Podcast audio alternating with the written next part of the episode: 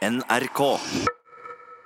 Nå skal det handle om eh, kunstskatter, for har du en skjult kunstskatt på loftet? Det spurte vi dere lyttere om i forrige uke. Blåfarveverket etterlyste malerier av kunstneren Mathilde Dietrichson. Bilder som eh, trolig ligger på et loft eller i en kjeller et eller annet sted og kan være verdt eh, hundretusener av kroner. Og folk de fant bilder som de tror er Mathilde Dietrichson. Men er de det? Hallo, det er Sverre Følstad på Blåfarverket. Med to til. Da kommer vi opp, vi. Vi er på skattejakt for å se på ett av bildene Blåfarveverket fikk tips om fra en av de som hørte etterlysningen i Nyhetsmorgen i forrige uke. Kan bildet vi snart skal få se, være et av de viktige bildene til Mathilde Ditriksson? Eieren Sonja Lid, som selv er kunstner, viser oss bildet. Presentere tante Abel. Yes. Tante Abel er kvinnen på portrettet vi får se, og det oppriktige jøsset fra kurator Sandra Lorentzen kommer fordi bildet er helt annerledes enn bildene til Mathilde Dietrichson pleier å være. Dette var ikke helt sånn som du hadde trodd. Dette var, nei, dette var annerledes. Veldig annerledes enn de andre portrettene vi har sett. Men står det en signatur et sted? Foran eller bak på bildet? Det er skrevet på i etterkant, hvor det står Ja, det står antagelig Antagelig malt av Mathilde Bonnevie i 1859. Mathilde het Bonnevie før hun giftet seg. Og dette portrettet skal hun ha malt da hun var bare 19 og ugift. Jeg vet bare at, eh, at det antagelig var det første bildet som Mathilde Bonnevie eller Didriksson da laget. Eieren Sonja Lid forteller oss historien om brevene familien har fra 1800-tallet, der slektninger skriver om det fine portrettet som Mathilde skal male av tante Abel. Det har så lenge vært fars og våres alles ønske å ha et portrett av vår kjære tante Abel. Nå har jeg talt med Mathilde Bonnevie, og nå vil vi håpe at tante ikke har noe imot det. Det skulle jo tyde på at bildet er ekte. Men hvorfor er det da så annerledes? Hva tenker dere om dette? Kan det hende at rett og slett ikke er Mathilde Dietrichson? Jo, det tenker vi nok helt sikkert at det er. Det er jo ikke noe som folk bare finner på, en sånn historie. Sverre Følstad fra Blåfarveverket har trua. Men nyoppdagede bilder må alltid sjekkes. Det beste er sikre bevis. Så de vil sjekke litt ekstra i papirer når de er tilbake på museet. Dagen etter får NRK en SMS. Beviset er funnet. Mathilde forteller selv at hun maler akkurat dette portrettet i sin egen dagbok fra 1800-tallet. Ja, Til sammen så har Blodfarveverket i Buskerud altså funnet 26 verker av Mathilde Dietrichson, fordi folk har ringt inn og tipsa. Her i studio har vi fått eh, besøk av Sandra Lorentzen, kurator ved Blåfarveverket. Det er du som har drevet detektivarbeid eh, for å undersøke da om eh, Mathilde Dietrichson, eller Bonnevie som hun også het, hadde malt dette bildet som vi hørte om i reportasjen. Og det hadde hun altså. Da har dere funnet ett bilde, men vi hørte altså det er, det er ikke det eneste. Nei, så, så vi har jo Telefonen har jo ikke stått stille siden NRK eh, lanserte denne etterlysningen. Eh, og så har vi jo funnet en del i forkant, eh, men det gjenstår mange bilder. Hun hadde jo en kjempeproduksjon. Eh, I 1922 så var det en minneutstilling arrangert eh, på Blomkvist, og da ble det vist 245 malerier. Så det er mange bilder vi kan finne fortsatt. Så hva er det viktigste dere har funnet? Det er nok eh, et verk på Slottet.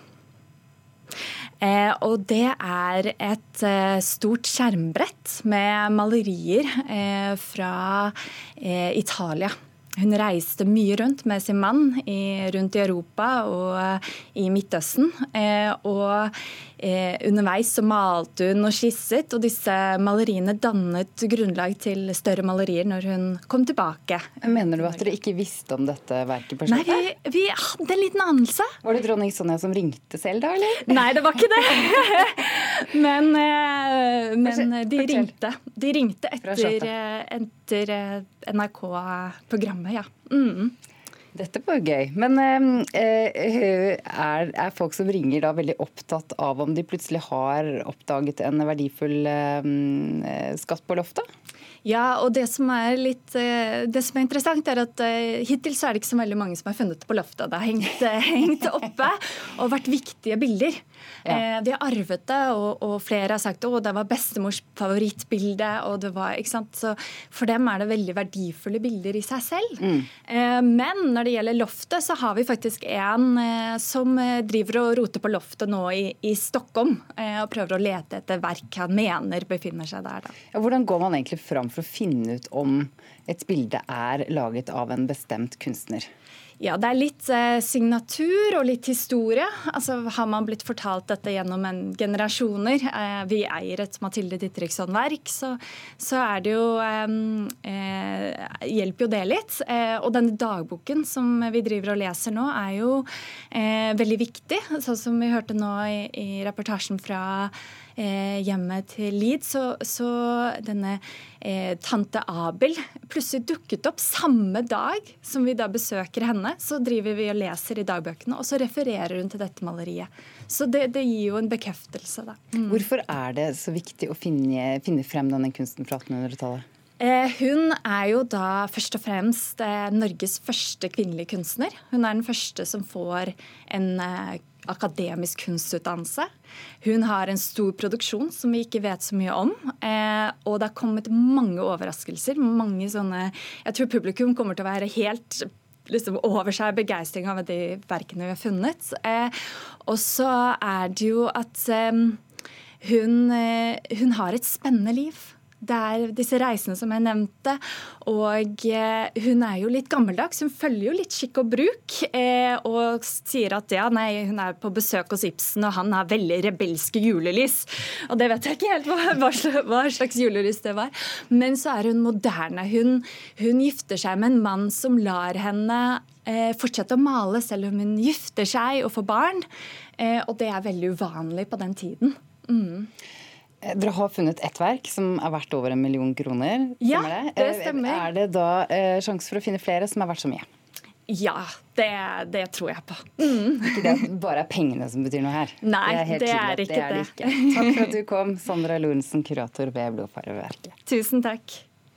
Og nå skal det handle om en amerikansk rapper Burning like a candle, both ends dripping spills, loose ends burn heads, burning in bridges. Better use the stairs, get your legs hurting. Running for the hills, I'm on their hills, keep the heads turning. Consider it a fair warning. Partner steady moving like it's feds on Det du hører her, det er sangen eh, Live Fast av eh, ASAP Rocky og Alan Walker.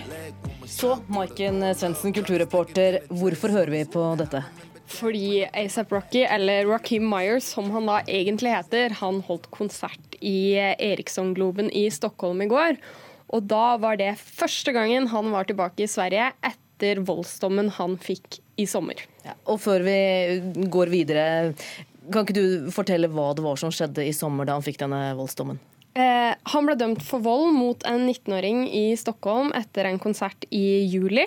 Det ble også to andre som han reiste med. Vold, eh, I retten så blei volden vurdert som ikke grov nok til at de måtte sone i fengsel, men de måtte betale erstatning og saksomkostninger. Rapperen han hevdet hele tiden at han handlet i nødverket, men det ble ansett som motbevist, sa dommer Per Lennerbrandt i sommer. Eh, og siden han da satt fengslet i varetekt, så har han vært opptatt av å gi noe tilbake? I forbindelse med reisen til Sverige nå, så besøkte han bl.a. en skole i Huseby. Og han la også ut et begrenset antall konsertbilletter til prisen av én svensk krone. Eh, I en video på Instagram så sa rapperen at alle dere fra innvandrerområder, ingen av dere trenger å betale. Det er det NTB som skriver. Men sa han noe om tiden i fengsel under denne konserten som han hadde holdt? Eh, han hadde flere hint, ifølge Billboard. Eh, han hadde bl.a. et bur, et stort bur på scenen, og danserne hans de var kledd i fengselsdrakter. Eh, på scenen så sa han at han ikke har samlet folk i arenaen for å snakke om svenske myndigheter, politikk eller amerikansk politikk. Jeg har samlet dere her for kjærlighet og samhold, sa han ifølge nyhetsbyrået Reuters. Takk skal du ha, kulturreporter Maiken Svendsen. Så mye som 4000 eh, tonn julepynt importeres eh, til Norge hvert år. Og samtidig fylles det opp med nisser og engler i bruktbutikkene. Hjemme hos Monica Bjerke i Haugesund er all pynten enten arvet eller kjøpt brukt. Jeg blir jo liksom glad hvert år, da. Lurer på hvilken boks jeg skal åpne. sant? Monica Bjerke har åpna den store sittebenken på kjøkkenet. Oppi her bor julepynten. Sånn som denne eska her, liksom den, den mest, nesten liksom mest dyrebare eska. Når Bjerke skal pynte til jul, er alle nisser, engler, lys og juletrær arva eller kjøpt brukt. Samtidig importeres 4000 tonn med julepynt til Norge i året. Jeg syns jeg er forkastelig, altså. Helt forkastelig. Jeg syns egentlig um, Jeg liker det ikke. Jeg synes Det er ganske trist at noe som på en måte skal handle om det lune hjemme og, og inn i varmen og ut fra liksom kulden, på en måte gjør at vi på en måte blir enda kaldere samfunn. Det syns jeg egentlig er ekkelt. Tall fra Statistisk sentralbyrå viser at vi i 2018 importerte 4089 tonn med julepynt og lyslenker. Til nå i år har vi importert så mye at vi ligger an til å nå samme nivå i 2019. Det importeres mest julepynt i september og oktober, men hver måned ankommer flere tusen kilo ny julepynt landet vårt. Leder i miljøorganisasjonen Framtiden i våre hender, Anja Bakken Riise, tror mye av pynten kastes. Sannsynligvis så ender ganske mye av julepynten opp som avfall. Eh, en del av det er kanskje også elektronisk avfall fra lyslenker og andre ting som går på, på strøm eller batteri. Så eh, her som på andre områder så gjelder det å, å gå til innkjøp eller eh, ja, gå til innkjøp av ting som kan vare, eh, som du kan bruke år etter år. At det ikke er så eh, at det ikke er sånn trendbasert at man kjøper noe som vi bare vil bruke i år. En for eksempel. En sånn en litt fine ting. En koselig nisse. Mye av pynten ingen vil ha lenger, havner her. 50 esker med julepynt er pakka ut hos NMS Gjenbruk i Haugesund før årets jul. Alf Østebevik har jobba som frivillig i butikken i ti år. Han har aldri sett på maken. Dette året tror jeg vi har fått mer enn vi har fått noen gang. Ofte så kommer de etter jul, da de har eh, tatt det ned, pakket det ned, og så kommer de her til middag. det. Det som de ikke vil da ha sjøl. Men det som er fint, er at når jula nærmer seg, er det nesten tomt for den brukte pynten. Veldig mange som kjøper brukt. Da, da sesongen, julesesongen er over, så er det mest ikke mer igjen av julepynten hos oss. Det er jo så mye rart her. Altså, denne her er jo helt Dette er jo en ting som egentlig ikke får lov å være framme. Han her får faktisk ikke lov å være med. Det er lav terskel for julepynt hjemme hos Monica Bjerke. Men den store grånissen må kanskje stå over. Han syns, han syns, jeg, syns jeg er litt fæl. Og det er svigermor som har lagd den, og har jo strikt jakka til den. Og... Men den har ingen blitt helt fortrolige med. da, så den, den sånn. Så han får kanskje sitte i trappa. Kanskje. Det var reporter Marte Synnøve Johannessen som hadde snakket med Monica Bjerke i Haugesund.